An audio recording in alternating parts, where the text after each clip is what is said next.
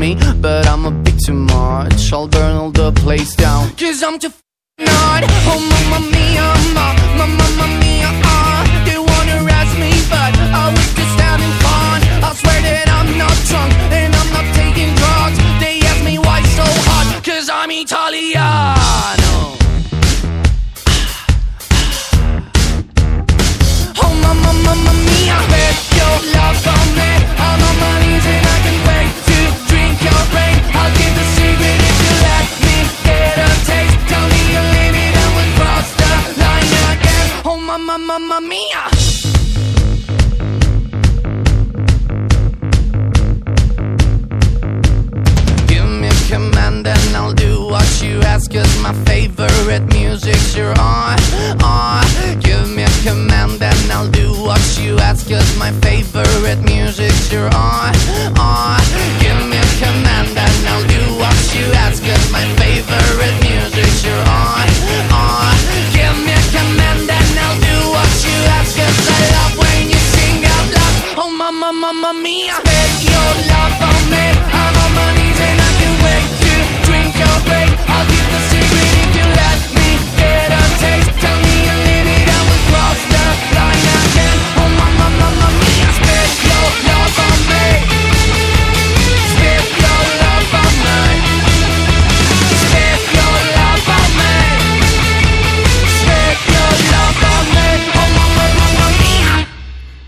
Słuchajcie, zanim sobie e, porozmawiamy o, tym, o tych najbardziej bieżących tematach, chciałbym, żebyśmy dla wszystkich słuchaczy naszych, naszej audycji, po prostu, żebyśmy przypomnieli im, co się właśnie dzieje w ligach, jakby ktoś e, był w śpiączce na przykład od trzech miesięcy. Może tak być, nie wykluczajmy takich osób. przypomnijmy sobie, co się działo, kiedy nas nie było? To może Bartek, ty zacznij, opowiedz nam o naszej rodzinie, rodzimej najlepszej lidze, czyli Ekstraklasie. Najlepszej lidze świata, zapomniałeś tak dodać tego jednego Na, słowa. Najlepszej lidze polskiej. No, Niekoniecznie. Nie no, ale już tak zupełnie poważnie, no to prawie jedna trzecia rozgrywek jest za nami. Na pierwszym miejscu Lech Poznań, co e, mimo wszystko przed sezonem nie byłoby raczej takie oczywiste, no bo tam w Lechu panowały dość takie nastroje raczej bardzo wielkiego braku zaufania do zarządu i do klubu ze strony kibiców, ale Lech wszedł na dobrą ścieżkę, zaczął wygrywać mecze, no i póki co wygrywa seryjnie, właściwie żadnych wpadek nie ma. No i tutaj się nam kłania Legia Warszawa, czyli taki główny kontrkandydat do tytułu, główny faworyt do tytułu, który sobie kompletnie w lidze nie radzi, tak? Legia, e, no jak wiemy, w Lidze Europy doskonale póki co, ale nie umie tego przełożyć na ligę. Ostatnio przed przerwą reprezentacyjną przegrała 3 do 1 z Lechią Gdańsk i no to był absolutny pokaz dominacji ze strony Lechii. Tutaj nie było żadnych wątpliwości. Lechia spokojnie mogła to wygrać 4 do 1. E, no może nawet 5, jakbyśmy się uparli, tak? Bo tam w pierwszej połowie ta przewaga nie była e, uwidoczniona bramkami. Więc póki co Lech Poznań wyrasta na głównego faworyta do tytułu. W tym tygodniu już po przerwie reprezentacyjnej Lech zmierzy się z Legią Warszawa, no i to będzie taki E, bardzo ważny mecz w kontekście walki o to mistrzostwo, no bo przewaga Lecha nad, nad Legią tutaj wzrośnie wtedy do 12 punktów i nawet te dwa mecze zaległe, e, które Legia ma, przy założeniu, że je wygra, no to ta przewaga dalej będzie dość spora. Czyli Maciej Skorża jednak top. Maciej Skorża top. Tutaj e, dziś widziałem ciekawą wypowiedź e, Michała Iszaka, który właśnie mówił, że no, trener przyszedł, i po prostu powiedział im, co zrobić, tak? A powiedz mi, czy jest jakiś zawodnik, który się wyjątkowo wyróżnia w tych e, pierwszych miesiącach e, naszej ligi? Znaczy, ja bym to na pewno z Lechi Gdańsk, o której tak naprawdę nie powiedziałem jeszcze, no bo e, tutaj Lechie przejął Tomasz Kaczmarek po zwolnieniu Piotra Stokowca. To zwolnienie było dość niespodziewane, no bo Lechia zaczęła sezon całkiem dobrze, 9 punktów zdobyła. E, no Tomasz Kaczmarek już zdążył podwoić ten wynik, tak? Zdobył już 10 punktów, więc nawet troszkę lepiej. E, z pierwszych czterech meczów trzy zwycięstwa i tylko ten pechowy remis z Wisłą Krachów trochę. No i przede wszystkim ta dominacja, tak? 4-0 z e, Górnikiem Łęczna, 3-1 z Legią Warszawa. I moim zdaniem taką najbardziej wyróżniającą się postacią w Lechi na ten moment jest Maciej Gajos, co jest bardzo dużym zaskoczeniem, tak? Bo zazwyczaj na tego zawodnika mocno narzekaliśmy. E, ja myślę, że doceniłbym też z takich mniej spodziewanych nazwisk Bartosza Śpiączkę, tutaj też wracając do twojego wstępu, e, bo Bartosz Śpiączka strzelił w tym sezonie 5 goli w drużynie, która walczy o utrzymanie i raczej go nie wywalczy. E, Górnik Łęczna strzelił tych goli łącznie 8, więc Bartek Świączka, jak ktoś tutaj jest ekspertem matematycznym, łatwo może sobie policzyć, że odpowiada za ponad połowę bramek tej drużyny, no jest po prostu jej najważniejszym elementem. Matematyka, szanowni państwo, matematyka. Dobrze, przejdźmy sobie jednak e, trochę bardziej na zachód, do tych czysto teoretycznie lepszych lig europejskich. E, Oskar, powiedz nam, co się dzieje w Bundeslidze. E, u naszych zachodnich sąsiadów dotychczas rozegrano 7 kolejek i warto moim zdaniem zacząć od hitu poprzedniej kolejki. Mianowicie Bayern Monachium zmierzył się z Eintrachtem Frankfurt i padł bardzo zaskakujący wynik, można powiedzieć, że sensacja, gdyż Bayern przegrał u siebie z Eintrachtem 1 do 2. E, to była pierwsza porażka u siebie Bayernu w Bundeslidze od listopada 2019 roku. E, a druga taka ciekawostka, że Eintracht e, pierwszy raz od 21 lat e, pokonuje na wyjeździe Bayern, czyli ostatni raz jeszcze pokonał Bayern, jak nie grali na Allianz Arenie. Można powiedzieć także, że o drugim meczu z rzędu w Bundeslidze bez bramki Roberta Lewandowskiego, a wcześniej przecież 15 meczy z rzędu notował z bramką. Brakowało mu tylko jednego meczu do wyrównania rekordu właśnie Bundesligi goli z meczów z rzędu. E, jeśli chodzi o mecz z Eintrachtem, to Robert zaliczył tam asystę, bardzo ładną zresztą. E, po siedmiu kolejkach e, ma strzelone 7 bramek, jednak to jest mniej niż w dwóch poprzednich sezonach, gdy miał na tym etapie już 11 goli. Piłkarzem meczu zarówno kolejki był bramkarz Eintrachtu Kevin Trapp, który można powiedzieć mecz życia zagrał. E, aż 10 strzałów obronionych, to bardzo dużo. E, I mimo tam świetnej dyspozycji, e, Kevin Trapp jest na przykład dopiero czwartym bramkarzem reprezentacji Niemiec, więc to tylko pokazuje, jaką głębię składu na pozycji bramkarza mają Niemcy.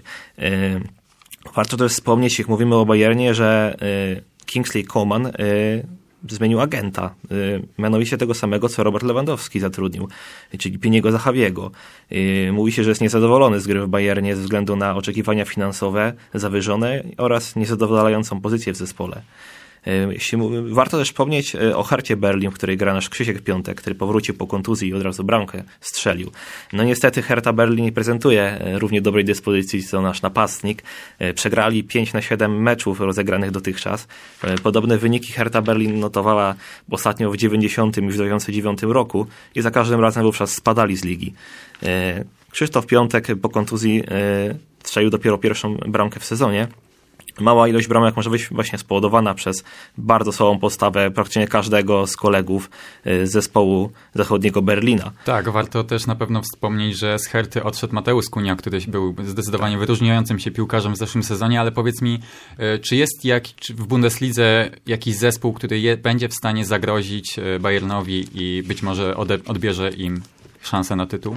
E, tak, e, przede wszystkim wydaje mi się, że takim rywalem e, nie będzie w tym sezonie Borussia Dortmund, co mogło być taką oczywistą odpowiedzią, a mógłby takim rywalem być Bayer Leverkusen, który w tym sezonie prezentuje fenomenalną dyspozycję. Jest wice, wice na pozycji drugiej w tabeli, ale ma tyle samo punktów co Bayern ale na ich napadzie gra znany w tym euro, wybił się bardzo czeski napastnik Patryk Schick. Patryk tak który można powiedzieć jest wielką wartością dodaną całego zespołu z Bajareny, e, gdyż nawet gdy nie strzela, to, to jest po prostu bardzo agresywny, bardzo aktywny i skupia na, na sobie uwagę obrońców przeciwników. I po prostu do tej pory strzelił sześć bramek, co i tak jest moim zdaniem świetnym wynikiem. I jak się spodziewamy, walczyć o koronę króla strzelców będzie Robert Lewandowski z Erlingiem Haalandem. To są chyba e, dwie najpoważniejsze kandydatury. No i ze sobą samym, wiadomo. No, no i myślę, wydaje, że Patryk Szlik też dołączy do tej dwójki, e, że mógłby być takim czarnym koniem, gdyby wygrał na przykład e, króla strzelców w Niemczech. A jeszcze tak wspomnę tylko o tabeli mamy na pewno Bayer, Bayer i Bayer, e, ale Borussia Dortmund też się bardzo dobrze prezentuje, zajmuje trzecie miejsce w tabeli. Eintracht Frankfurt, e, który wygrał z tym Bayernem mimo wszystko, notuje dosyć słaby początek sezonu, dolna połowa tabeli. A na razie na, samym dnie czerwoną latarnią jest zespół Greuther Fürth, tylko jeden punkt, który powiem w swojej historii jako jedyny zespół nie wygrał nigdy meczu w Bundeslidze na swoim stadionie. Taka ciekawostka. A co do tabeli, to panowie, ja bym chciał jeszcze coś sklaryfikować, bo powiedziałem, że jak Lech wygra z Legią, to zwiększy przewagę do 12 punktów w tabeli, a zwiększy ją do 15, więc przepraszam tutaj za moją pomyłkę, a to już w ogóle będzie no, niesamowita przewaga, tak? Do 9, jeżeli Legia wygra dwa zaległe mecze. Będzie niesamowita to przewaga. Podsumowaliśmy sobie Ligę Polską, podsumowaliśmy Bundesligę, przyszła pora na Premier League. Filip, co tam się dzieje za morzem? Za morzem na Wyspach Brytyjskich przede wszystkim pasuje, panuje olbrzymia rywalizacja, co już od początku sezonu było dość zauważalne. E, w tabeli panuje olbrzymi ścisk. Jest to bardzo ciekawa sytuacja, ponieważ na pierwszym miejscu znajduje się Chelsea z dorobkiem 16 punktów. Podopieczni Tomasa Tuchela prezentują od początku sezonu świetną formę, przez co na razie odjechali pozostałej, e, pozostałym drużynom. Natomiast e, na miejscach e, od 3, 4, 5 i 6 panuje te, jest tyle samo punktów. E, wszystkie drużyny odnotowały ten sam bilans, co jest o tyle ciekawe, bo mają tyle samo zwycięstw, czytaj, czyli 4, dwa remisy i jedną porażkę. Niespodzianką jest tutaj Brighton, który znajduje się na szóstym miejscu. Nikt raczej nie spodziewał się na początku sezonu, że ekipa Grahama Pottera znajdzie się na, na razie tak wysokiej pozycji i, i zobaczymy, czy w ciągu sezonu będą potrafili utrzymać się w czołówce. E, przede wszystkim e, na plus e, od początku sezonu jak najbardziej zasługuje Mohamed Salah, który e, na dobrą sprawę prowadzi Liverpool. Możliwe, że po kolejne trofeum. Na razie znajdują się na drugim miejscu. Jest to jedyna drużyna bez porażki w lidze po siedmiu kolejkach, a sam Mohamed Salah zdobył sześć goli. Ciekawie również y, dzieje się u ich największych rywali, czyli ekip, na, w ekipie z Old Trafford, a mianowicie Manchester United, gdzie chyba doszło do, w czasie tych wakacji doszło do jednego z największych powrotów w historii. Mianowicie Cristiano Ronaldo, który wrócił do domu po 12 latach grania w, w innych ligach który od razu wszedł do ligi i pokazał, że dalej może grać na jak najwyższym poziomie, co, udowodni, e, co udowodnił strzelając trzy bramki i zostając e, najlepszym zawodnikiem miesiąca w Premier League.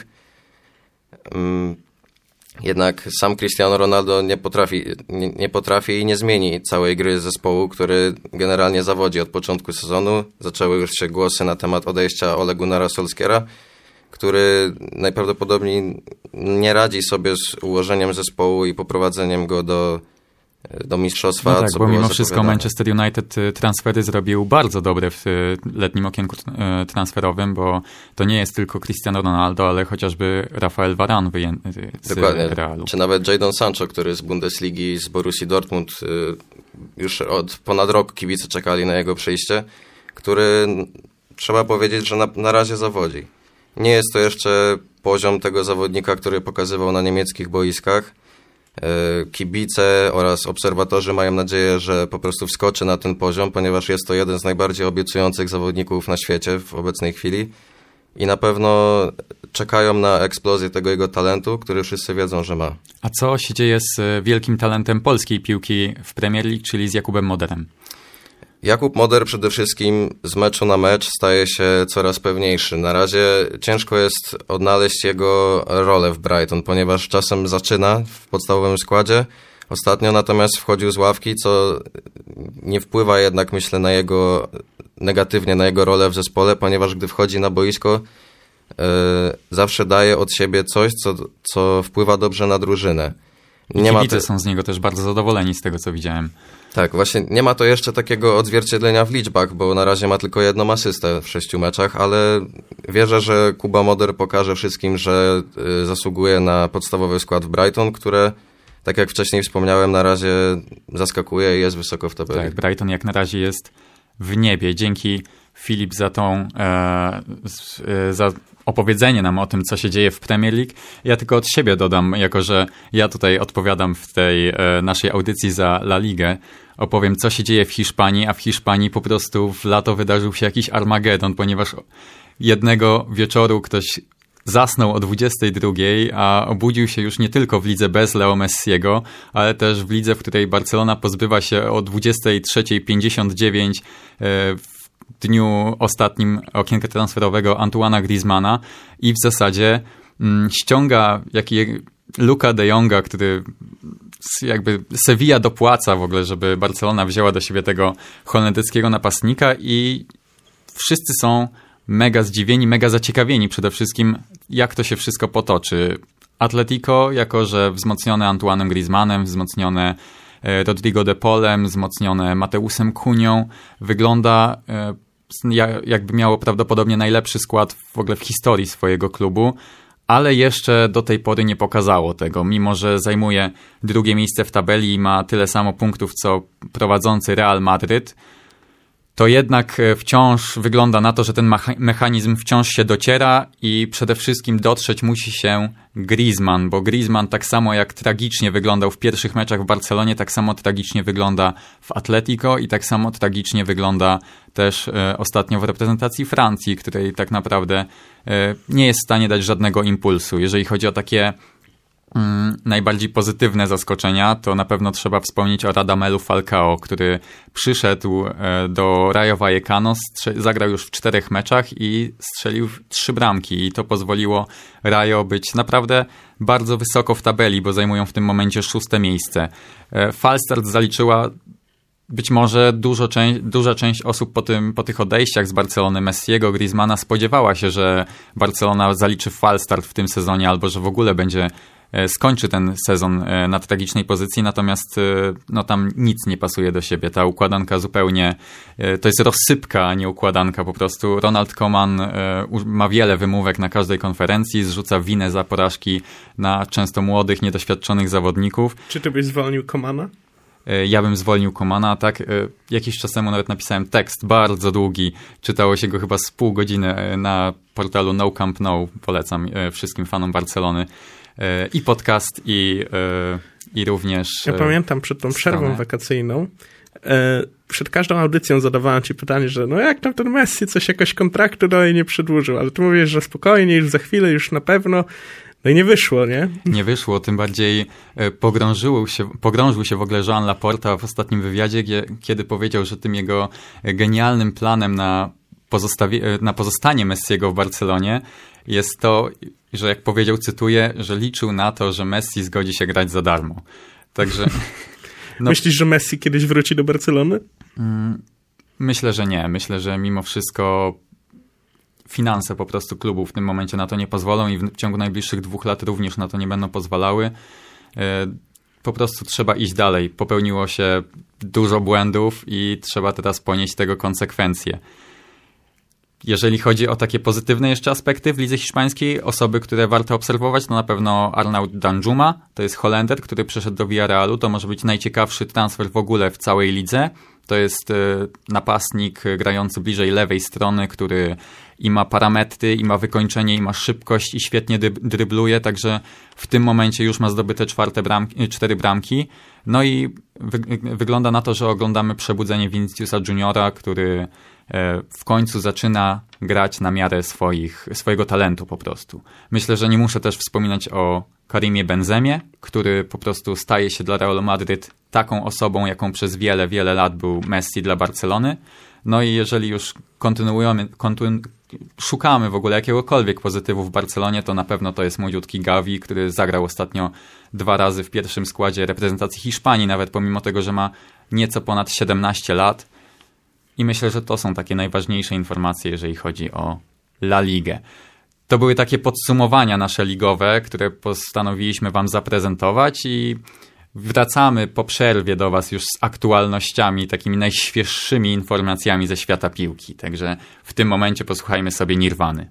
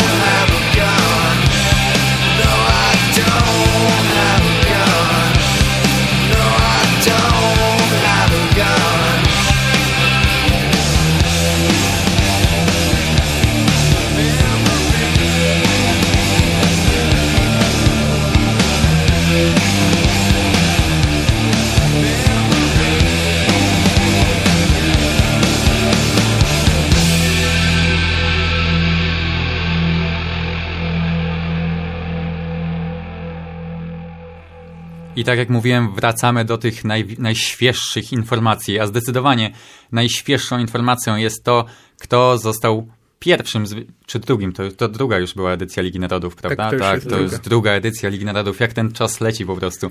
Ale tak czy inaczej, w końcu Francja zdobywa ostatnie trofeum, którego jeszcze nie miała w swojej gablocie jako reprezentacja i wygrywa 2-1 z reprezentacją Hiszpanii. To był naprawdę szalony i niesamowicie ciekawy mecz. Panowie, jak wrażenia po nim? E, ja powiem tak, powiedzmy, kiedy Francja wygrała Copa Amerykę? No, nigdy. E, więc wcale się nie zgodzę, że... A, a mogliby, tak? To, jest zwyczaj, że do Copa Ameryki się zaprasza drużyny, więc tak nie możesz tutaj e, się sprzeciwiać. Ja powiem tak, ten mecz w pierwszej połowie był bardzo nudny, a druga połowa była dużo lepsza. Tam się zaczęło od e, no, fantastycznego uderzenia, które się jednak nie skończyło bramką Hernandeza, jeżeli dobrze pamiętam. E, poprzeczka, później goal line technology pokazało nam, że no, tego gola jak najbardziej nie było. E, no i chyba te spalone, tu to, trzeba trochę o tym powiedzieć, bo szczerze mówiąc, spalone zaważyły nam o dwóch bramkach, moim zdaniem, a mogły spokojnie o trzech. No bo mieliśmy już na samym początku meczu sytuację, e, kiedy Francja przeprowadzała akcję e, i tam był spalony i później po tym spalonym był rzut rożny. Tutaj sędziowie się nie zorientowali, no jakby z rożnego padł gol, tak? No to mielibyśmy taką trochę małą aferę, a i tak mamy. I tak mamy, i tak mamy a aferę. i tak mamy małą aferę. To znaczy, w świetle przepisów nie mamy żadnej afery, no tak. ale mimo wszystko patrząc na to z perspektywy ale widzimy, kibiców, to... jakie bezduszne są te przepisy, czy nawet po prostu głupio, więc, ale już za chwilkę do tego dojdę. Później był gol e, Ojar Cabala i e, tak, tutaj tak. właśnie ta bramka e, ona też wynikła z tego, że sędzia nie zagwizdał spalonego, tak? Tutaj jest to bardziej usprawiedliwione, bo tam e, Francuz jakiś podał e, no po prostu tak dość nieudalnie, ale na oczywistego spalonego, tak, e, gdzie obrońcy zainterweniowali, no bo sędzia go początkowo nie odgwizdał, no i odzyskała Hiszpania tą piłkę i strzeliła bramkę, tak, no to no właśnie, ale czy to mi się wydaje, że to mimo wszystko tutaj można bronić decyzję sędziego pod tym względem, że przywilej korzyści. Nie, no tak, tak, jak najbardziej. Tutaj nie, tylko chcę zwrócić uwagę właśnie na to, że tu też mamy taką pozycję spaloną, tak? E, czasem sędzia e, po prostu automatycznie podniósł chorągiewkę, teraz się tego właśnie unika ze względu na to, że patrzyły na to, co się, co się dalej stanie w akcji. E, no i tutaj przy tej bramce zastanawiające jest to, co zrobił Konde, tak? No bo najpierw złamał linię spalonego, a później postanowił nie wracać do obrony. On, on wracał w zwolnionym tempie.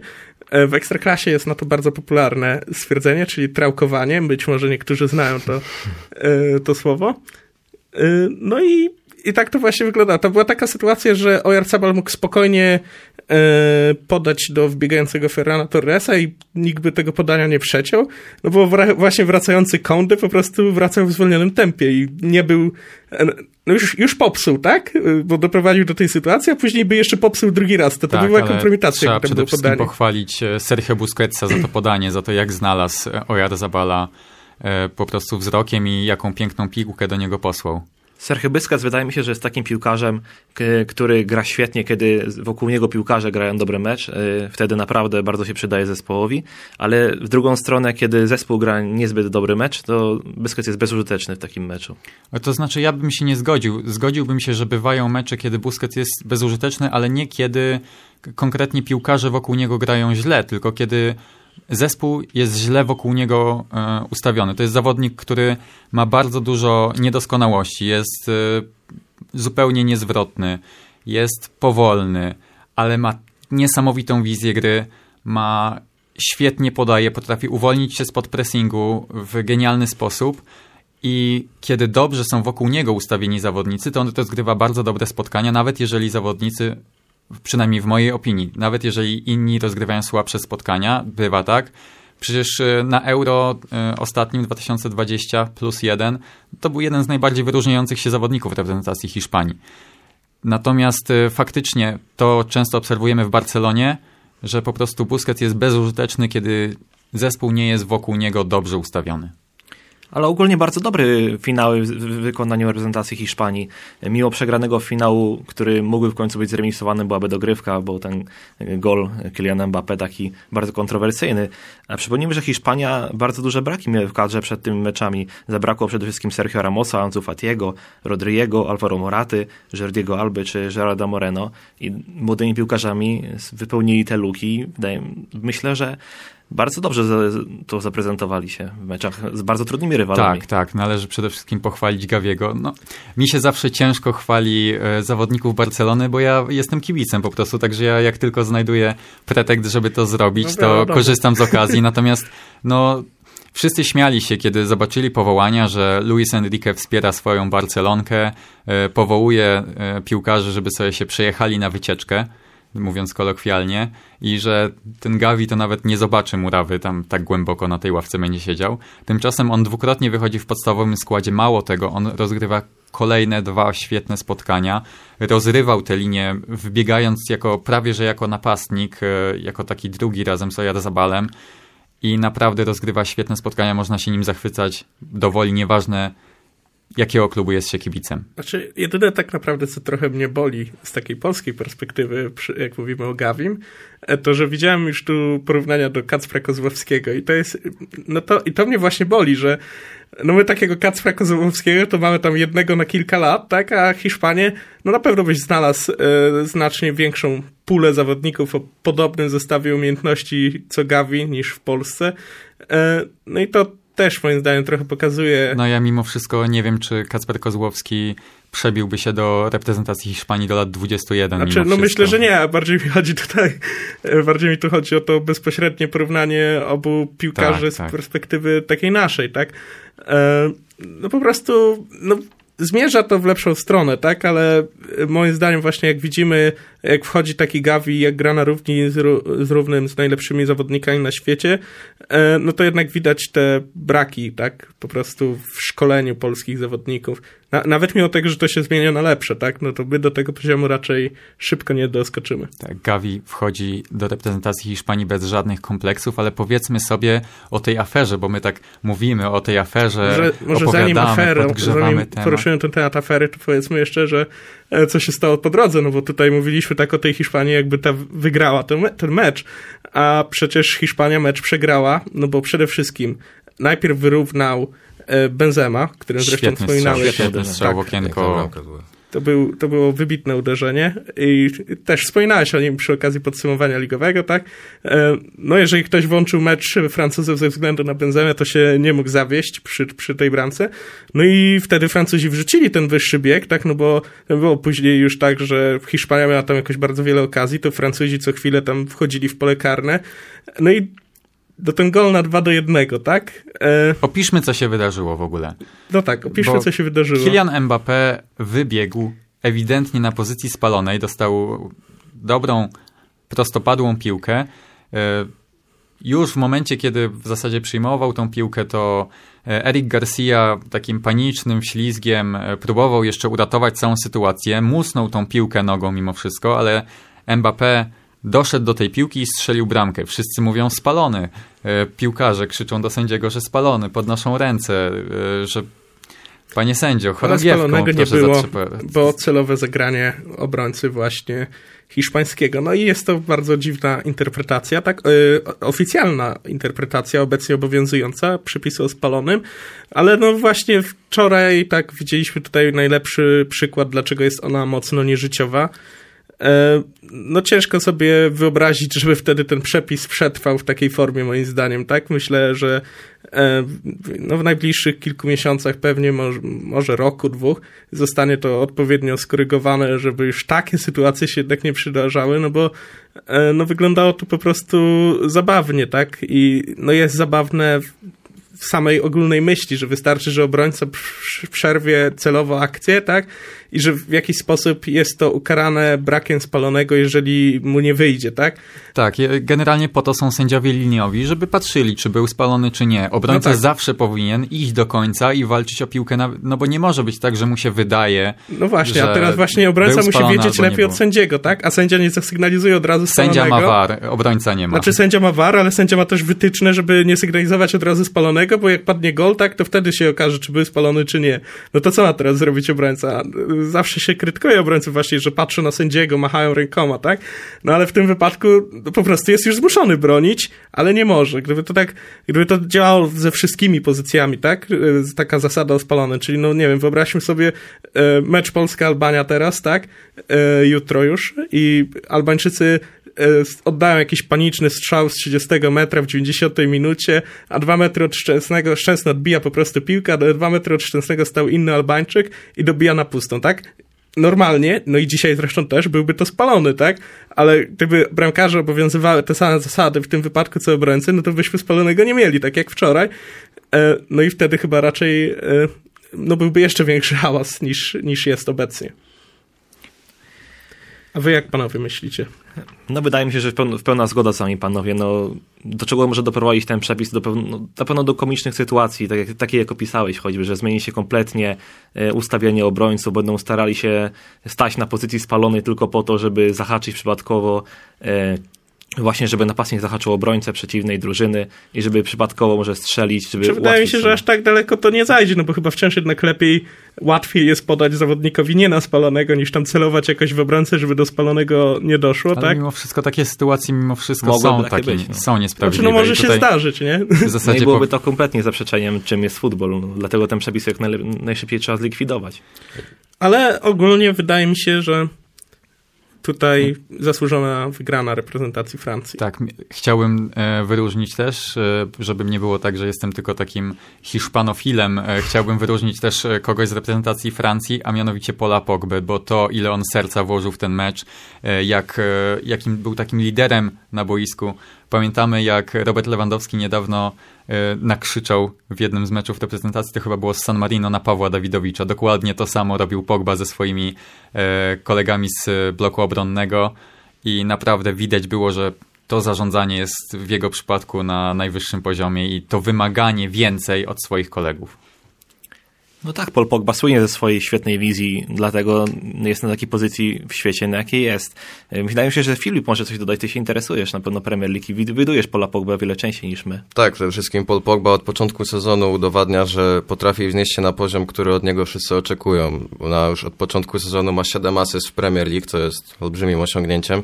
Ale też inna kwestia, że udowodnił też wczoraj w trakcie tego spotkania, że potrafi być liderem. Coś, co było mu zarzucane zarówno w reprezentacji Francji, jak i w Manchesterze United jeszcze za kadencji Jose Mourinho, że nie potrafi przewodzić grupą, że jest, y, był nawet określany y, w cudzysłowie wirusem w danej drużynie, że tylko się bawi i nie potrafi y, zarządzić w szatni albo po prostu być takim głosem rozsądku, liderem. A wczoraj można było właśnie zauważyć, tak jak Kuba wspomniał, że potrafił krzyknąć na kolegę, potrafił ponieść drużynę w 89 minucie, nawet podjął się takiego sprintu, gdzie zrobili groźną sytuację, która mogła się zakończyć na dobrą sprawę bramką.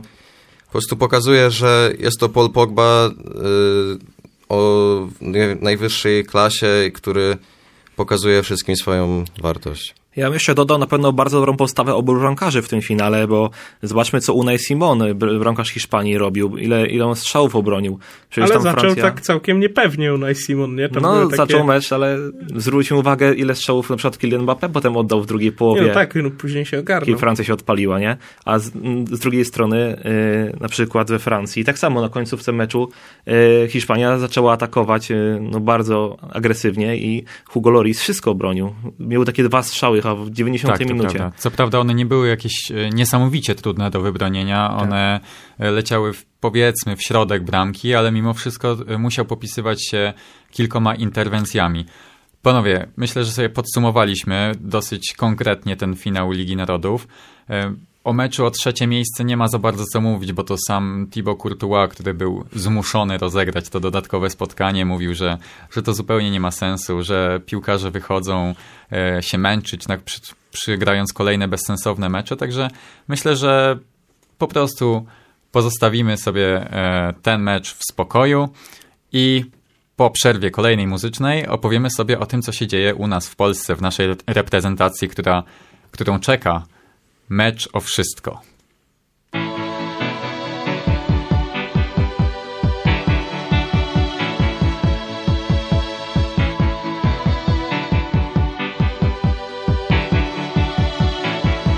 The heart is a bloom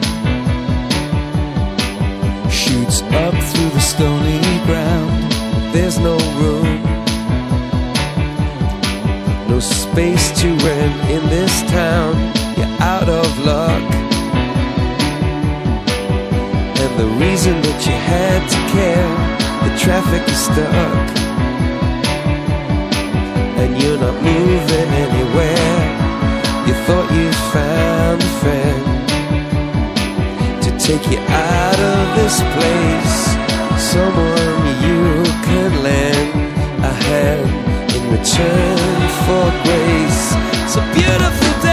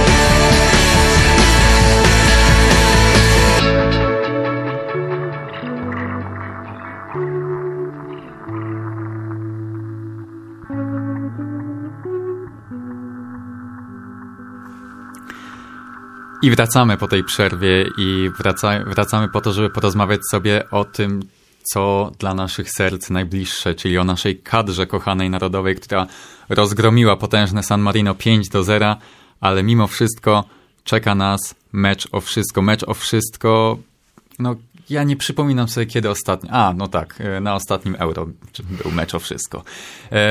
E, No mimo wszystko, patrzymy sobie na sytuację w tabeli. Anglia 19 punktów, Albania na drugim miejscu z oczkami 15 i Polska dopiero trzecia z 14 punktami. Dramat. To jest, na... nie chcę mówić, że dramat, ale naprawdę zaskoczenie, bo mimo wszystko chyba nikt się nie spodziewał, że ta Albania aż tak mocna się okaże. No czy ja wiem, Paulo Sousa się spodziewał, bo mówił, że Albańczycy są lepsi niż Węgrzy w trakcie konferencji przed pierwszym meczem.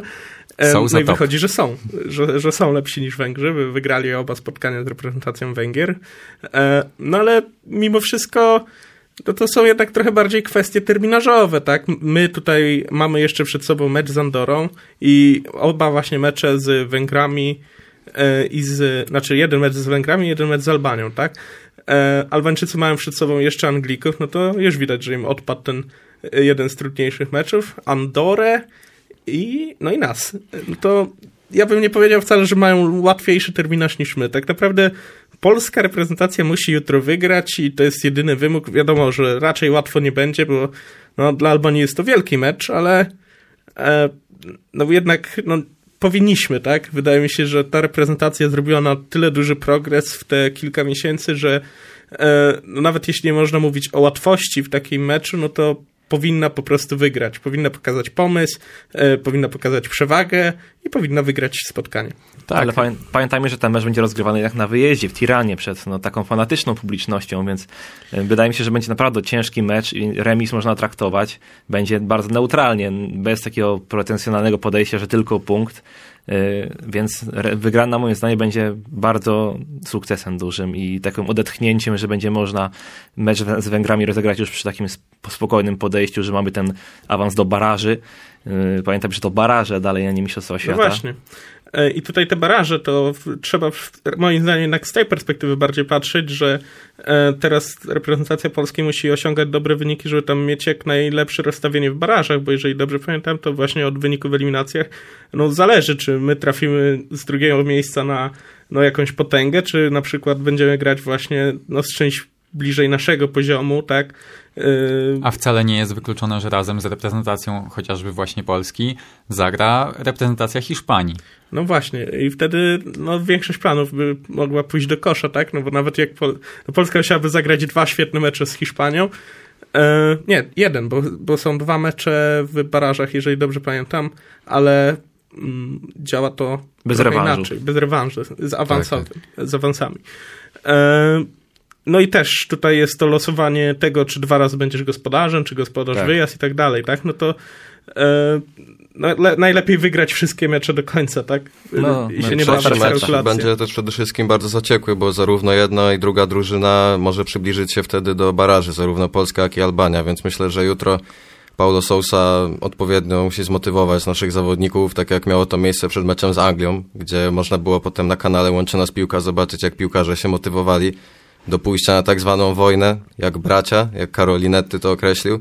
Więc trzeba liczyć na to, że jutro podobnie, z podobnym nastawieniem po prostu wyjdziemy w Albanii i powalczymy po trzy punkty, bo inaczej znaczy, nie no, potrafię zobaczyć miejsca w barażach. Nie no, jak, ja potrafię, jak, jak przynajmniej zremisujemy, tak? To jest plan minimum, żeby tak. jutro zremisować.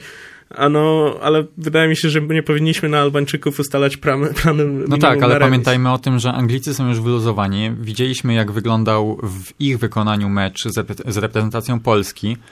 I może się okazać koniec końców tak, że ten remis mimo wszystko będzie dla nas bardzo pechowy, bo na przykład Anglicy wyjdą trzecim składem, rozluźnieni i jeszcze ten remis Albańczycy Anglicy, Anglikom urwą. Anglicy przegrywają wszystko do końca i na mundial jedzie Polska i Albania, tak to widzę, panowie. no nie, ale no zupełnie poważnie, no może, może ten mecz San Marino nie był też znowu taki najlepszy, ale no nie ma, nie ma co moim zdaniem aż tak negatywnie się nastawiać na mecz z Albanią, że no wiadomo, że będzie fanatyczna publiczność, no jest to jednak kraj bałkański, tak, ale tutaj no, jednak mówimy o zawodnikach, którzy przeciwko fanatycznej publiczności grają trochę więcej meczów niż przeciwko słabej publiczności, więc wydaje mi się, że to, że to nie spowoduje tutaj jakiegoś wielkiego załamania nerwowego u Roberta Lewandowskiego, że... U Roberta Lewandowskiego na pewno nie, bo to jest nasza skała, nasza opoka, człowiek, na którym opieramy wszystkie nasze sukcesy mniejsze i większe. Natomiast na pewno też Świderski też ma już jakieś doświadczenie w grze przeciwko tej bałkańskiej mental, przynajmniej z bałkańską mentalnością e, publiczności, no bo właśnie. mimo wszystko w tym paoku na pewno też nie jeden mecz już przeżył, w którym e, trybuny, trybuny niemal płonęły e, i to wych, generalnie przez te wszystkie mecze wychodzi na to, że Świderski okazuje się być takim żołnierzem Paulo Souzy, Adam Nawałka miał na przykład Krzysztofa Mączyńskiego, który był takim nieoczywistym wyborem e, od początku jego przygody z kartą. W tym wypadku mówimy tutaj chyba właśnie o tym Świderskim. No tak, 11 na 12 meczów w reprezentacji Paulo Sousy zagrał, czyli w każdym poza pierwszym spotkaniem. No i co? No, moim zdaniem gra całkiem dobrze Świderski, tak? Jako ten e, napastnik u boku Roberta Lewandowskiego. Wiadomo, że były też próbowane e, inne opcje, tak? Buksa też e, tam wchodził. Trochę trochę jest tutaj przymus, tak? No bo e, wiadomo, że i Krzysztof Piątek, i Arkadiusz Milik mieli problemy, czy to zdrowotne, czy z grą w klubie. E, jak już wyleczyli się, no to właśnie chwilę później znów byli kontuzjowani, tak? Tu mówię akurat o Arku Miliku. e, więc trzeba było czegoś szukać i wydaje się, że ten właśnie Karol Świderski ma taką pozytywną cechę, że no po prostu pracuje na boisku, tak? Tak, i on się nie boi próbować. e, Mam takie wrażenie, że on jeden raz coś mu nie wyjdzie, drugi raz mu nie wyjdzie, ale mimo wszystko on próbuje, on się stara, on jest odważny na boisku, wstawia e, głowę tam, gdzie nie jedna osoba nie wstawiłaby nogi e, i po prostu to jest e, skarb mimo wszystko. Mały, bo mały, ale mimo wszystko skarb dla tej Bardzo reprezentacji. inteligentny też to jest zawodnik. On przede wszystkim próbuje takich zagrań, które naprawdę też imponują. E, Taka była sytuacja, jak był ten rzut rożny, gdy padła bramka na No 3 do właśnie. 0. Gdzie nie, nie wyobrażam sobie sytuacji, gdy Krzysztof Piątek y, powołuje się na takie zagranie. To jest oczywiście taka dość taka akcja sytuacyjna, że tak powiem, ale u samego Świderskiego też imponu, imponuje mi taka jakby jego y, taka bezczelność jakby w jego zagraniach. Po prostu to, że on nie kalkuluje i y, daje sobie jakby ponieść te wodze fantazji, przez co gra zarówno efektywnie, jak i efektownie. Tak, i pamiętamy chociażby jego, co prawda nie bramkę niestety, ale ten świetny strzał w meczu z Hiszpanią, Dokładnie. chociażby na Euro, kiedy w zasadzie mogliśmy wyjść wówczas na prowadzenie. Mecz z Hiszpanią to w ogóle chyba było najlepsze spotkanie właśnie Świderskiego w reprezentacji. E, tutaj jeszcze z takich zawodników, którzy byli próbowani, no to szansę dostał Kacper Kozłowski, tak, czyli polski Gavi. I e, no moim zdaniem pokazał się też z dobrej strony, tak, tam po jego zagraniu e, padła bramka chociażby wtedy, kiedy próbował podawać wzdłuż pola karnego i San Marinczyk sam sobie ją wbił. normalnie, normalnie piłka by trafiła prosto w ręce bramkarza, no ale wiecie, no, wpadło to wpadło. Wpadło to wpadło, także czy to się w ogóle zalicza jako asysta, kiedy To, podaje to się chyba zależy, samobój? y, oficjalnie nie, ale y, Transfermark chyba by zaliczył jako asystę, tak mi się wydaje. Także jest asysta Kozłowskiego. To chyba pierwsza w rep- w reprezentacji Polski. E, Dobrze, słuchajcie, ten mecz San Marino trochę jak mecz o trzecie miejsce Ligi Narodów. Nie za bardzo jest co podsumowywać, bo mimo wszystko to jest e, mecz z amatorami, to jest e, mecz, w którym nie bardzo się reprezentantom Polski tak naprawdę chciało i to było trochę widać mimo wszystko, szczególnie po na przykład Ej. Karolu Linettym. Ale moim zdaniem było warto odpalić tylko dla tego strzału z połowy, który był później oklaskiwany przez Roberta. Tak, to, przez to Roberta podobało. Lewandowskiego. Też myślę, że głównie ten mecz był oglądany ze względu na to, że Łukasz Fabiański miał swoje pożegnanie, co było No tak. chyba większym wydarzeniem niż sam mecz, bo jednak jest to postać dla kadry, która przez 15 lat reprezentowała nasze barwy narodowe i można powiedzieć, że nigdy nie zawodził. I był też po części trochę y, ofiarą tego, że po prostu był Wojtek Szczęsny, który był notorycznie wystawiany przez kolejnych trenerów, czy to Adama Nawałkę, czy Paulo Sousa i po prostu niestety Łukasz musiał się pogodzić z rolą dwójki. No ale Euro Ale 2016 uwa- a nikt... już tak podsumujmy sobie ten czas. y, Nie ma już Fabiańskiego w reprezentacji, także koniec końców, z perspektywy tych 15 lat, powiedzmy 15, na pewno to jest, jakby chodzi nam bardziej o ten krótszy okres ostatni, ale jednak. Uważacie, że mimo wszystko to były błędy, że stawiano na tego Szczęsnego, czy może jednak e, to były dobre decyzje? Znaczy wiesz, Szczęsnym był e, Boruc, tak? No to tutaj nie było bardzo e, jakoś konkurencji, no bo Fabiański tam głównie był jeszcze wtedy rezerwowym w Arsenalu, e, więc tu też Szczęsny był ponad nim, bo grał w jedynce Arsenalu, więc wiadomo. E, Później Szczęsny, e, no miał lepsze i gorsze okresy. Najgorsze jest chyba to, że za każdym razem w tej reprezentacji zawodził w tych najważniejszych momentach, tak? Euro 2012, czerwona kartka i rzut karny, bohaterem zostaje Przemysław Tyty. Euro 2016, e, No tutaj akurat kontuzja no wy- tak, no, kontuzja, ale no też taka sytuacja, że wiesz, no zabrakło go w tych ważniejszym momencie, tak? No wiadomo, że nie z jego winy i kontuzja może się przytrafić każdemu, no ale w jego buty wtedy właśnie wszedł Fabiański, no i pokazał się ze świetnej strony, tak? Mecz ze Szwajcarami, e, który właściwie nam wybronił, tak? Rzut wolny Rodrigueza, jak obronił Łukasz Fabiański, coś pięknego. To jest w ogóle kontrowersyjna sprawa, ten wolny Rodrigueza, bo wiele osób uważa, że to był w ogóle strzał niecelny i był, e, nieważne czy by był obroniony przez Fabiańskiego czy nie, to koniec końców by ta piłka do bramki nie wpadła. Natomiast, Interwencja natomiast była interwencja była piękna zdecydowanie. Y, Fabiański trafił na taki sam okres jak y, Ter Stegen w reprezentacji Niemiec. Po prostu trafił na okres, kiedy jego główny rywal po prostu prezentuje się jednak lepiej albo gra w lepszym klubie. Bo kiedy Szczęsny grał w Romie czy w Juventusie, no to Fabiański grał dalej w tym Swansea czy potem właśnie w West Hamie.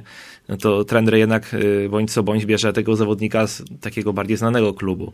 Y, Ter Stegen ma podobny problem z Neuerem, więc y, można powiedzieć, że Ter No Stegen tutaj, świetny tutaj bramkarz. moje, moje u, uczucie jako kibice Barcelony bardzo mocno urażone. No moje tak samo. Ale tak szczerze mówiąc, to od tego roku 2018 to moim zdaniem jednak dyskusja nie powinna być Szczęsny czy Fabiański, tylko bardziej Szczęsny czy Drągowski, bo moim zdaniem no tutaj sobie zasłużył Drągowski zdecydowanie na szansę tym, co pokazuje w Serie A.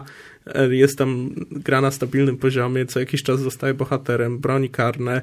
E, No i też to taki polski supertalent, no bo przecież zaczynał już w wieku 16 lat w Jagiellonii, on, on nie jest w ogóle starym zawodnikiem, tak, ma 22 albo 23 lata, więc przed nim dekada tak, ja nie grania rozumiem jako na przykład, bramkarz. dlaczego Skorupski wciąż stoi wyżej od niego w tej hierarchii bramkarzy, bo wygląda na to, że mimo wszystko stoi i przynajmniej do tej pory stał.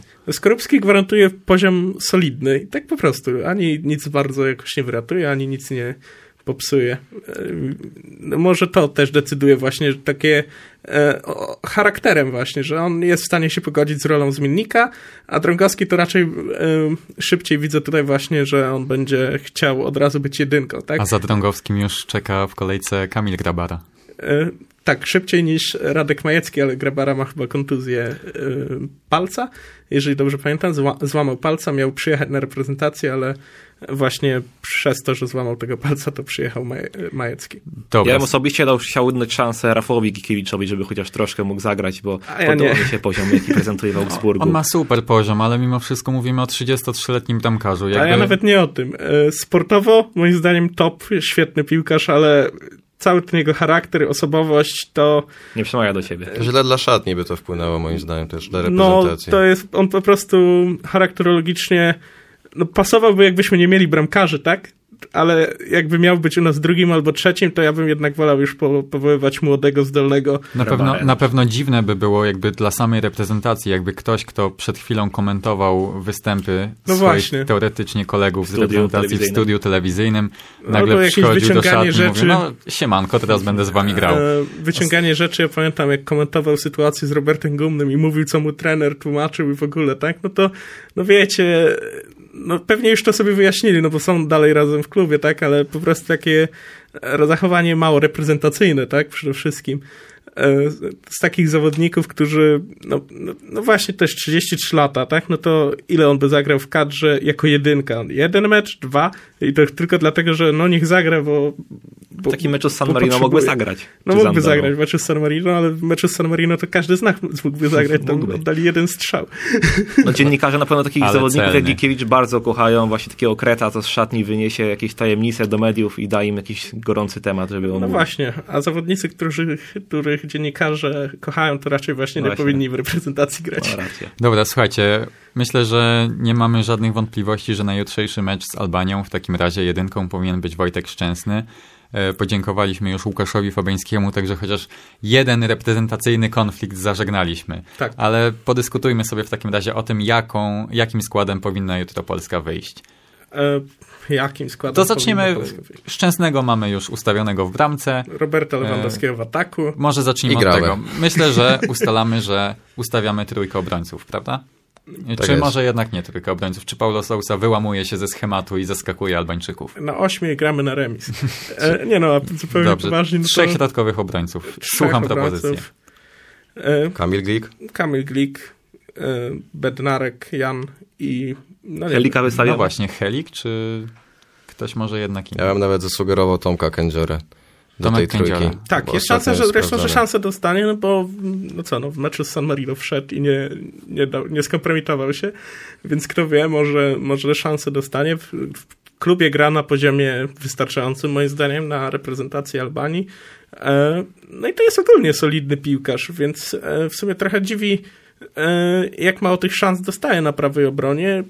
Wiadomo, że jest Bartek Bereszyński, ale wydawało się, że jak Łukasz Piszczyk już skończył karierę, no to trochę mocniej zostanie sprawdzony, a póki co Kędziera ze Sousy zagrał chyba dwa razy z San Marino i w jakimś sparingu, jeśli dobrze pamiętam, i to chyba tyle, więc trochę mała próba badawcza dla trenera. Dobra, mamy ustalony środek obrony. W takim razie jest to Glik, Bednarek i Tomasz Kędziora. To jest pewnie jakieś zaskoczenie dla części słuchaczy. No to porozmawiamy sobie w takim razie o prawym i lewym wahadle. Czy na lewym wahadle powinien wystąpić na przykład niegrający w ogóle w Unionie Berlin Tymoteusz Puchacz? To jest chyba największa zagłoska przed jutrzejszym meczem. Kto wystąpi na tym lewym wahadle? Bo na dobrą sprawę to gdyby Właśnie szkoda, że Tymek nie gra w Unionie Berlin, bo gdyby grał i miał chociaż te minuty, nawet by wchodził jako zmiennik, ale by grał, po prostu byłby ograny, to byłby e, od razu brany pod uwagę jako ten pierwszy lewy wahadłowy, gdy nie ma Macieja Rybusa czy Arkadiusza Recy.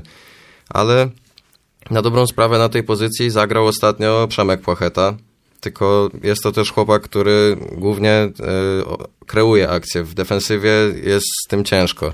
Dlatego... No, jest strasznie jednowymiarowy, moim tak, zdaniem. Dokładnie. Po prostu biega od linii do linii i wrzuca piłkę na oślep. Tak by, nawet San Marino tak to wyglądało, więc ciężko mi sobie wyobrazić, żeby w meczu z Albanią tutaj popisywał się nagle techniką. Ja mam swoją kandydaturę i jest to Przemysław Frankowski. I Ostatnio bardzo dobrze. Zgadzam się z tobą. Zaprezentować. Bo Puchacz chyba... nie powinien grać mimo wszystko, bo on w tym Unionie właśnie w ogóle nie gra, z jakiegoś powodu nie gra. Jego rywal na pozycji regularnie notuje asysty, nawet strzeli dwie bramki w ostatnich meczach. Y, Puchacz grał tam w, li, w lidze konferencji, e, nawet w lidze konferencji w ostatnim meczu już nie wystawił go trener Urs Fischer. Y, dlatego z tym Frankowskim się zgadzam z Kubą. Frankowski, który wejście Smoka zaliczył do Ligi Francuskiej już dwa razy był w najlepszej kolejce całej ligi. Także Piękna bramka również. I Frankowski bramka. Dwie nawet strzelił i już zaliczył asystę. Także nie mam pewności, poprawcie mnie, ale wydaje mi się, że on tam gra na pozycji właśnie lewowahadłowego. E, to znaczy on ogólnie jest tam rozrzucany po boisku. E, grał na pozycji lewego obrońcy, czy tam lewego wahadłowego, nie jestem pewien. E, grał też chyba nawet z prawej strony i trochę wyżej, także naprawdę tak, to jest trener bardzo ceni go za właśnie jego wszechstronność. Jeszcze niedawno dyskutowało się o tym, że to jest bardzo jednowymiarowy zawodnik, tak jak mówiliśmy przed chwilą o Płachecie, że w zasadzie poza szybkością to nic nie może dać drużynie, a to ja koniec końców nie wydaje się... Nie, nie, tutaj nie zaliczył jako jakoś szczególnie szybkiego zawodnika i też jestem no, bardzo zaskoczony tym, jak dobrze sobie radzi w lidze francuskiej. Wydawało mi się, że to jest jednak poziom dla niego za wysoki. Zresztą tam też e, kibice nie, nie do końca wierzyli w ten transfer, jak on przychodził z MLS, no ale widać dyrektor sportowy jednak zna się na robocie lepiej niż kibice i dziennikarze. Nie jestem zaskoczony. E, no i póki co naprawdę wejście Smoka w tą ligę francuską e, moim zdaniem powinien zagrać w tym meczu, już nawet nieważne na jakiej pozycji, ale gdzieś na skrzydłach, tak? No bo no, jeżeli jest zawodnik do, w dobrej formie, to raczej da radę, nawet jeżeli nie zagra tak na nominalnej pozycji. No, jeżeli tak. musisz kombinować z zawodnikiem bez formy, e, który nie gra, to nawet na swojej nominalnej pozycji może nie dać rady, tak? Okej, okay, e, mamy ustalone lewe wahadło. Kto z prawej strony? Hmm. Myślę, że też zapomnieliśmy o jednym zawodniku. Yy, jeśli dałoby się Tomka Kędziora może przesunąć na prawe wahadło lub nawet go zdjąć i postawić na prawym wahadle Bereszyńskiego, który często jest tam też ustawiany.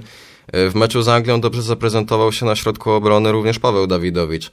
Myślę, że on mógłby być też brany pod uwagę jako do trójki, do trójki środkowych obrońców, a na prawym wahadle właśnie Kędziora czy Bereszyński, bo tak jak jestem wielkim fanem Kamila Jóźwiaka, to jestem fanem Kamila Jóźwiaka z przodu jako drugi napastnik czy skrzydłowy, ale nie jako wahadłowy, bo to nie jest zawodnik, który w defensywie będzie ubezpieczał po prostu tyły. No ale od meczu z Anglią też już trochę czasu minęło, nie? I no, Ty, Tymek Puchacz też zagrał bardzo dobrze w meczu z Anglią mimo wszystko, a czy na jutro jest kandydatem do pierwszego składu, to bym nie powiedział.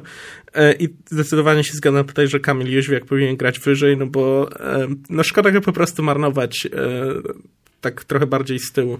Czyli stawiamy jednak na Bereszyńskiego, czy mm, wymieniamy jednak Kędziorę na Dawidowicza i Kędziorę dajemy na to prawe wahadło, jak panowie sądzicie?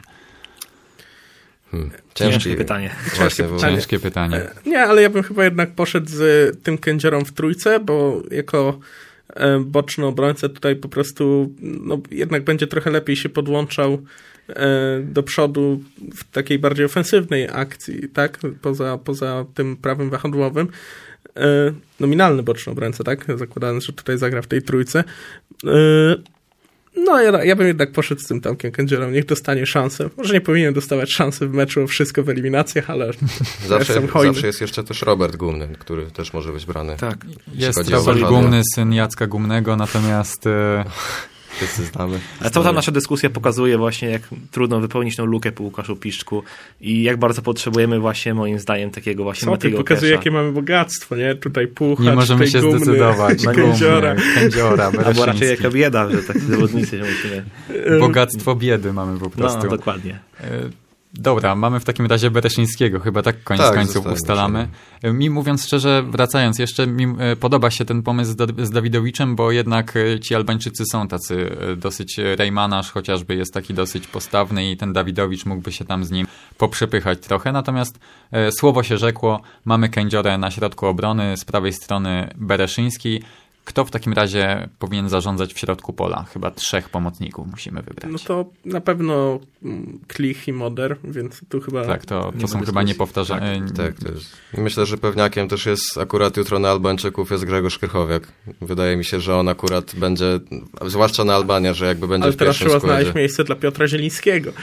No, no właśnie, to też jest problem, bo na przykład na pewno nie zagra Karolinetty, niestety się wykartkował.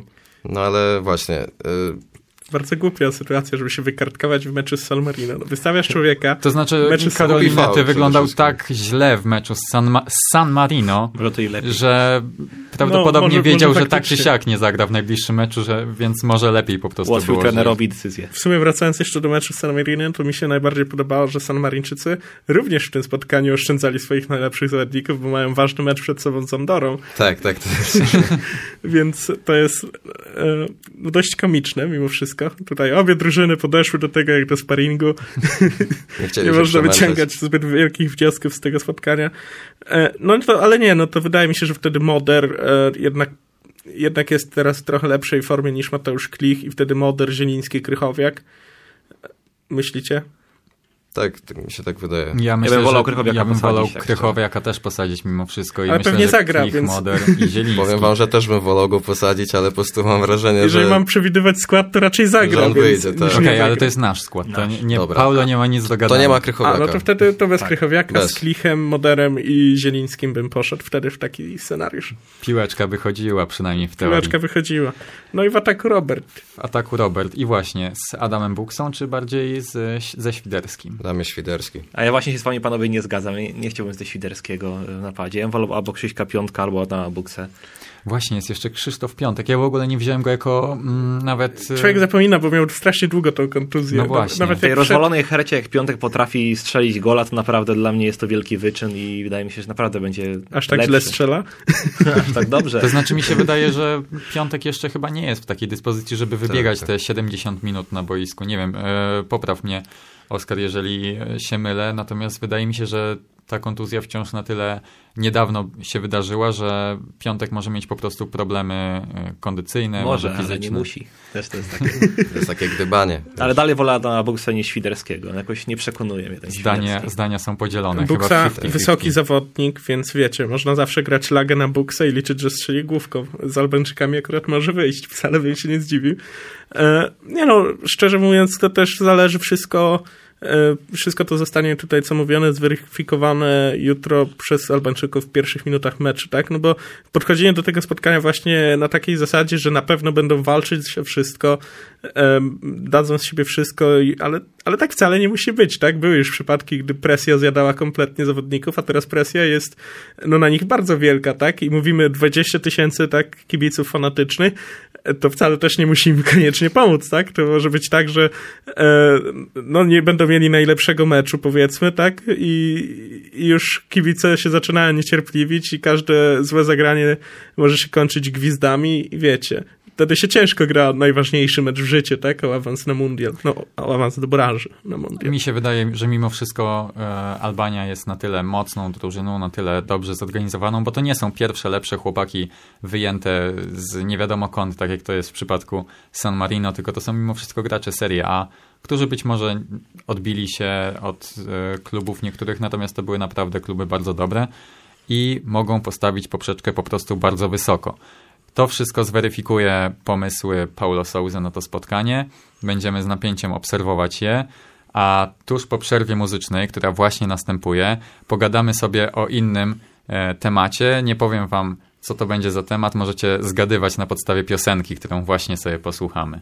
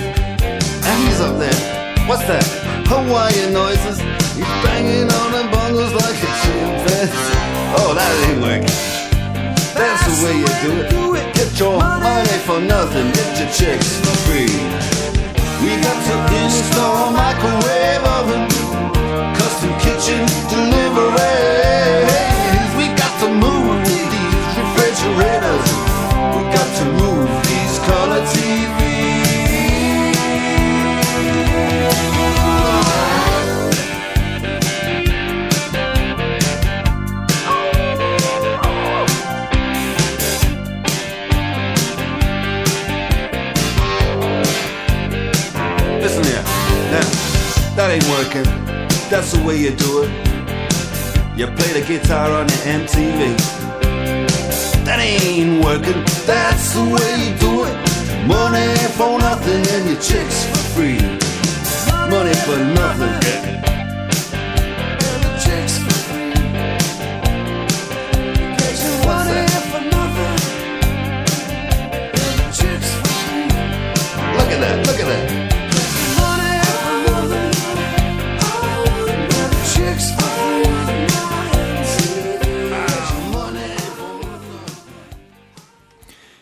I myślę, że po tej piosence, jeżeli ktoś interesował się w ostatnim czasie wydarzeniami z piłki nożnej z całego świata, to nie będzie dla niego żadnym zaskoczeniem temat e, rozmowy, która właśnie nastąpi, a jest to oczywiście przejęcie Newcastle United Football Club przez Public Investment Fund, czyli generalnie przez, Arab, e, przez Arabię Saudyjską, bo to teoretycznie nie jest państwowe, ale, ale jednak to tak naprawdę Arabia Saudyjska wykupuje Newcastle United. Tym samym Newcastle United Rocky stają się najbogatszym klubem świata. No i dobrze. To miło dla nich. Jakbym był kibicem Newcastle, to pewnie byłbym zadowolony w tym momencie. Tak, Public Investment Fund generalnie obraca aktywami na poziomie 500 milionów dolarów. E, 500 milionów dolarów to sprawia, że generalnie Nie właściwie... miliardów? Miliardów, oczywiście, tak. 500 To są milionów to drobne, no, przecież to są, po dwa prostu większe takie transfery. kwoty, to są takie kwoty, które mi na myśl w ogóle nie przychodzą, także automatycznie mój mózg zmienia miliardy na miliony. E, tak czy inaczej, mm, właściciel nowy Newcastle jest e, 44 razy bogatszy od e, właścicieli e, Manchesteru City, 11 razy bogatszy od Nasera Al-Khelaifiego, czyli właściciela PSG. I czego można się po takim człowieku spodziewać? Co się stanie ze srokami? To ja ci powiem, czego możemy się spodziewać. Możemy się spodziewać absurdalnie wysokich kwot wykładanych za zawodników, którzy wcale nie są aż tak dobrzy, żeby za nich płacić tak wysokie kwoty. E, możemy się spodziewać, że ci zawodnicy wcale nie będą grali tak dobrze, jak e, właściciel nowy będzie chciał grać. I możemy się spodziewać częstych zmian trenerów. I pewnie najbliższa już w tym tygodniu, jeżeli się nie mylę. Steve Bruce tam jest trenerem i Tak, tak. e, to, to raczej Niedługo nie jest zbyt być. miło przyjmowane ani przez nowych właścicieli, ani przez kibiców. Chociaż nie wiem, czy najbliższy mecz to chyba ma być jego tysięczny mecz w Premier League, tak? To, to jeszcze chyba mu dadzą szansę, mam nadzieję. By było mimo wszystko trochę miło. e, Takie No pożegnanie. Nawet nie, nie, nawet nie wiedziałem o tym, mówiąc szczerze. E, No ale no pewnie już to najbliższa zmiana za chwilę. Ciekawe jakie nazwisko. Wydaje mi się, że Graham Potter jest właśnie rozważany. Czyli Jest, jest jak najbardziej, ale też jest z drugiej strony jest też kilka innych nazwisk, takie jak na przykład Steven Gerrard czy Frank Lampard, ale najgłośniejszym nazwiskiem od dwóch dni chyba jest Antonio Conte, który jest łączony właśnie z Newcastle, tylko on e, z tego co dowiedziały się różne źródła, chciałby mieć jak najwięcej wpływów, jeśli chodzi o transfery i to jest jego główny warunek e, objęcia tej posady, czyli chciałby po prostu mieć wgląd do transferów, chciałby podać swoją listę życzeń, móc zarządzać tymi transferami, co nie było mu dane w Chelsea, ale myślę, że to Oscar mógłby więcej powiedzieć. No poza tymi tenderami, co wymieniłeś, przede wszystkim jeszcze mówi się o Mikelu Artecie, który no, w Arsenalu sobie nie radzi, e, o Edim Howe, no to Eddie Howe, no, znany z Bournemouth, e, no bardzo dobrze. Strasznie długo czeka na nową pracę, moim zdaniem, bo przecież No, ta praca w. Bournemouth to była e, no, fantastyczna, jak na tamte warunki mimo wszystko, tak? Tam też klub jest e, posiadany przez rosyjskich oligarchów, nie? Ale Mhm. E, to jednak trochę inny rodzaj oligarchów niż Abramowicz. No mówiło się, żeby reprezentację Anglii miało objąć, no a póki co siedzi w tym Bournemouth, może w końcu do Newcastle się uda. To teraz dla niego trochę, jak mówił Dariusz Szpakowski, sytuacja marzenie. Może wejść teraz i po prostu Coś wrócić do klub wielkiej marzenie piłki. bogaty. No tak, ale kibice przede wszystkim wydaje mi się, że będą chcieli Rafa Beniteza powrotu, bo to jest taki ulubieniec całego miasta. Miasto żyje tym trenerem, ale takie najgłośniejsze nazwisko, choć trochę lekko nieprawdopodobne, mówi się, że Mauricio Pochettino może w przyszłości opuścić Paryż i O, do o nie jest mówiło się przede wszystkim e, zanim objął stery w Paris Saint-Germain, bo to już rok temu e, przymierzali się Saudyjczycy do Tak. tego, żeby wykupić Newcastle.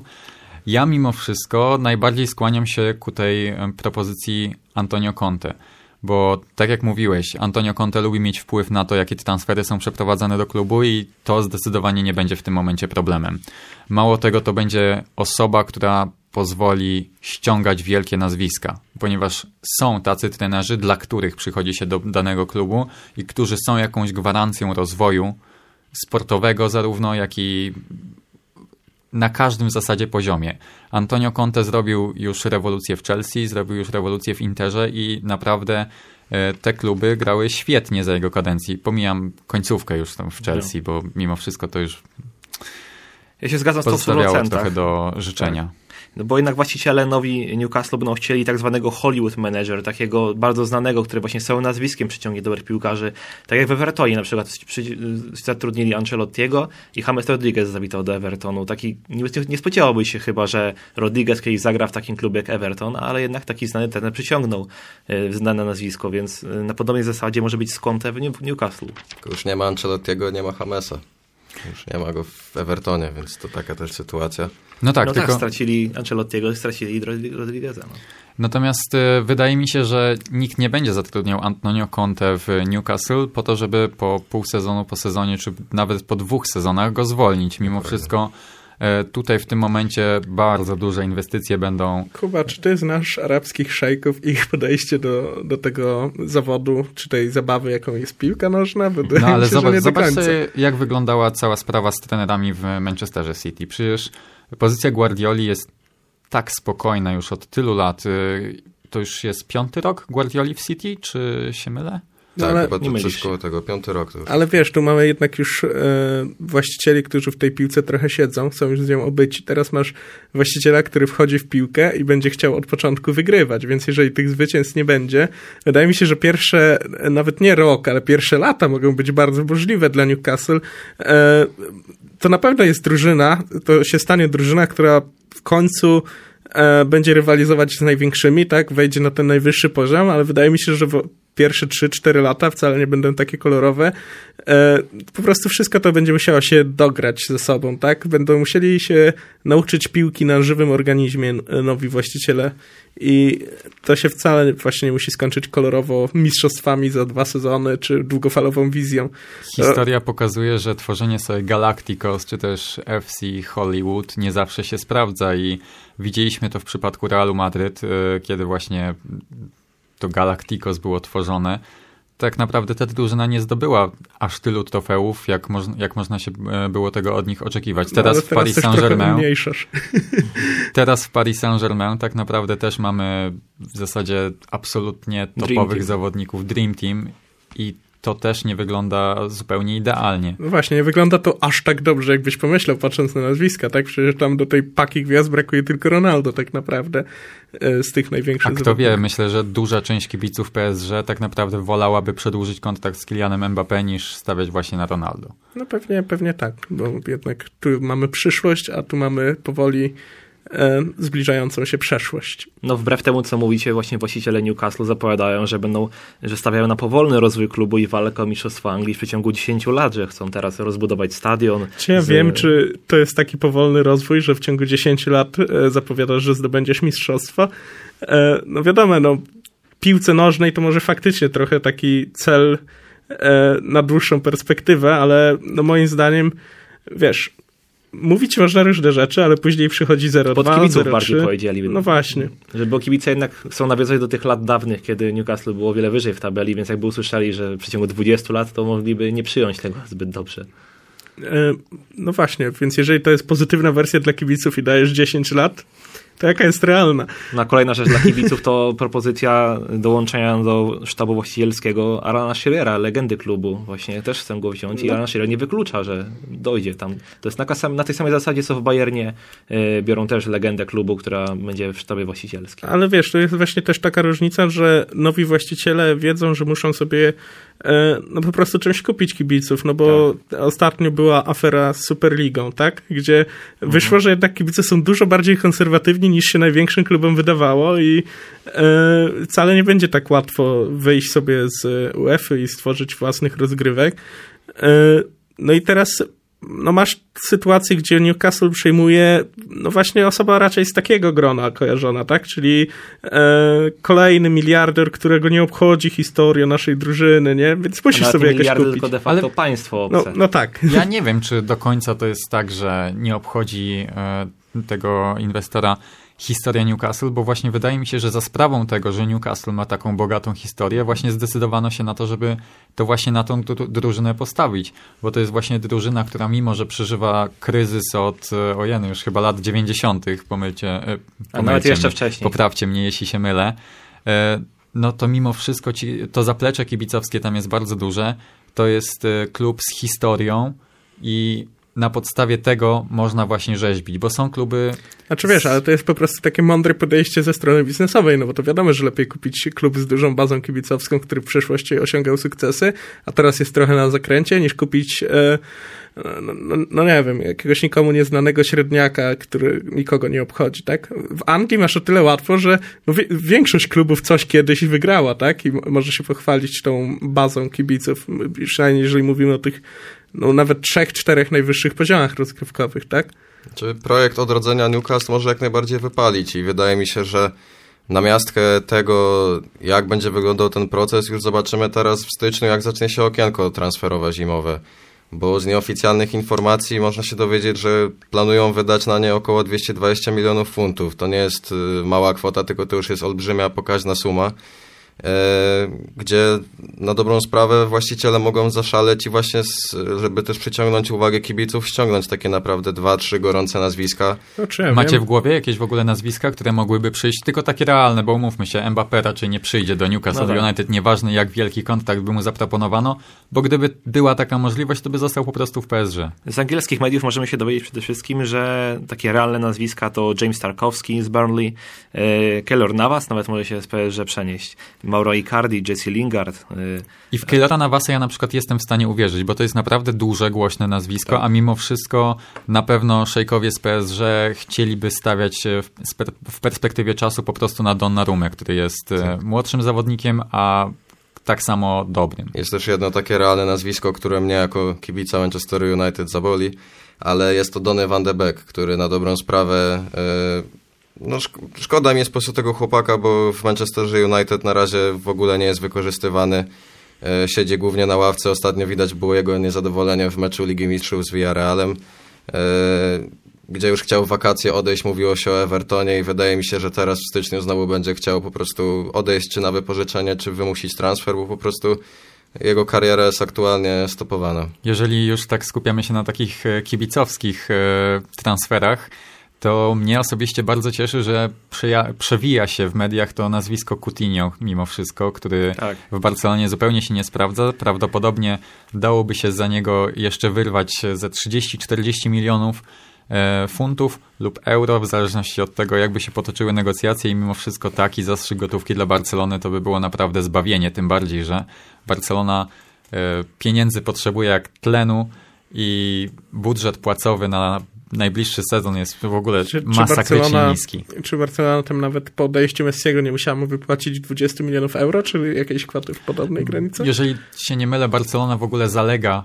różnym klubom za transfery około jeszcze 120 milionów euro, także e, naprawdę no, ona jest zadłużona na ponad półtora miliarda euro i w, e, po przeprowadzeniu audytu, ostatnio były wyniki audytu e, przedstawiane przez CEO Barcelony i one pokazały, że gdyby Barcelona nie była klubem e, soc- e, który działa tak, jak działa w tym momencie, czyli że jest własnością Socios, tylko byłaby firmą, to przestałaby w kwietniu istnieć. Także Czekam, czekam na Barcelona minus 15 punktów tabeli za zaległości. no, w Ekstraklasie by było tylko minus 5, prawda? Pozdrawiam Ale to trenera. Probierza. Pół żartem, pół serio mówi się, że w Barcelonie i w Madrycie szampany otwierali, gdy słyszeli, kto przejmuje Newcastle, bo będzie komu opchnąć e, Azarda właśnie czy Coutinho. No, wcale by mnie to nie zdziwiło, bo na pewno e, kluby, które mają zawodników, których by się najchętniej pozbyły, e, teraz to wykorzystają, tak? Ogólnie wszystkie kluby wykorzystają to, no bo jak wiesz, że ktoś jest nadziany, to oczywiste, że będziesz żądał większej ilości pieniędzy niż gdybyś wiedział, że to jakieś biedaki, A tak? najlepiej to widzieliśmy w momencie, w którym Barcelona sprzedała Neymara do PSG i nagle wszystkie kluby wiedziały, że tam pieniążki są. Tak, A, dokładnie. I między innymi wykorzystały to w, przy transferze Coutinho. Mam nadzieję, że teraz role się odwrócą i to Barcelona będzie tym chytrym sprzedawcą, który Teraz po prostu klub- zawyża cenę piłkarza. Teraz masz klub, gdzie jest kilka razy większe pieniądze, nie? Niż, niż Tak, właśnie na pewno duży rynek zbytu. I słuchajcie, coraz więcej klubów y, wykupywanych jest przez e, szejków, przez e, ludzi pokroju Abramowicza, nazwijmy to biznesmenów wielkich. Biznesmenów, oligarchów. Oligarchów, tak. No. Natomiast y, jak myślicie, czy w ogóle kluby pokroju Athletic Club de Bilbao, Barcelony czy Realu Madryt y, w perspektywie czasu mają w ogóle przyszłość? Bo na przykład coraz częściej w kontekście Barcelony mówi się o tym, że mm, dobrze by było w, w pewnej perspektywie czasu y, mimo wszystko przekształcić klub w spółkę, którą, do której pierwszeństwo mieliby Socios. Jakby to, to jest dosyć Mhm. skomplikowany system, nie do końca w, ogóle ludzie wiedzą, jak to zrobić, natomiast mimo wszystko mówi się o tym, że dobrze by było tym wielkim klubom e, dać możliwość dopływu Jestem gotówki pewien, że ludzie zarządzający patrzą z utęsknieniem, jak, jak widzą, jakie osoby przejmują jakie kluby i za jakie pieniądze. No ale są właśnie rzeczy, których kupić nie można i wydaje mi się, no Jak chociaż Barcelona. Tutaj, jak Barcelona albo Real Madryt. No na, pewno, na pewno by niektórzy chcieli, tak? No bo rozwiązałoby z dnia na dzień to wszystkie problemy takiej Barcelony, jakby sobie szejki weszli e, do, do Barcelony. To już zabrzmiało tak naprawdę. Mówiło się ostatnio o tym, że podobno Barcelona miała ofertę na pożyczkę bodajże 500 milionów. e, No właśnie, to jest takie kombinowanie, nie? Jak, jak tu bokiem do, dofinansować klub. E, no i pewnie to się kiedyś stanie, tak? No bo jakimś chytrym fortelem właśnie, tak jak powiedziałeś, że no, że socjus by mieli pierwszeństwo. No szejk może poczekać 30 lat, żeby mu syn dorosł, który będzie miał e, status członka. E, Generalnie so, e, socjo Barcelony nie jest wcale tak trudno być. Wystarczy najpierw 3 lata być w Peni, czyli w e, takim oficjalnym klubie kibica, e, a następnie zapłacić rocznie jedynie bodajże 600 euro i można cieszyć się z takiego e, bycia członkiem. E, Mówi się o tym, że Barcelona będzie to zmieniała i będzie można pominąć ten czas e, trzyletni. To co, chyba dołączamy? To znaczy ja już jestem w Peni, także Widzisz? Widzisz? Mówiąc 600 szczerze- euro. no jeszcze już zbieram na to. że Ale się pochwalił. Ja jestem, tak. W klubie, w klubie, w Polsce działają oficjalnie chyba dwa kluby kibica, oficjalne, które są e, normalnie na Camp Nou tabliczka, że taki klub kibica istnieje. To jest e, FC Barcelona Polska, jeżeli się nie mylę, i jest to e, Penia Blaugrana de Łódź, założona przez Adriana Białkowskiego, jednego z prowadzących podcastu No Camp Nou. Polecam serdecznie. Słuchajcie, podsumowaliśmy sobie te ostatnie wydarzenia, też w sumie ostatnie miesiące w piłce nożnej. W ogóle cieszę się bardzo, że wróciliśmy, że teraz już co tydzień o godzinie 18 w poniedziałek będzie można nas słuchać. Myślę, że to było takie dobre przetarcie. Z każdym kolejnym tygodniem będzie coraz lepiej i dziękuję Wam po prostu za to, to co, że. Dzisiaj było źle? Nie, no, nie było źle, ale będzie już tylko lepiej. Nie no, to wiadomo, zawsze będzie tylko lepiej. Słuchajcie, dziękuję Wam bardzo za to, że spotkaliśmy się tutaj, za to, że mogliśmy pogadać. E, To był już teraz, jak zwykle, wraca w ogóle do nas jeszcze w przyszłym tygodniu Bartek Bronikowski, bo o tym trzeba też powiedzieć. Dzisiaj niestety nie mógł z nami być. Będziemy prowadzić ten program w pięć osób, będziemy się wymieniać. Mam nadzieję, że będziemy też e, mieli tutaj materiały e, z w ogóle z e, życia takie. E, natomiast nie będę uprzedzał faktów. Dziękuję bardzo wszystkim za uwagę. To był Oskar Śmiałek, Dzięki wszystkim, do zobaczenia. Filip Wilkiewicz, Dzięki, do usłyszenia. Bartek Naus Dziękuję bardzo, do usłyszenia. i Kuba Stybor. Do usłyszenia za tydzień w poniedziałek o 18.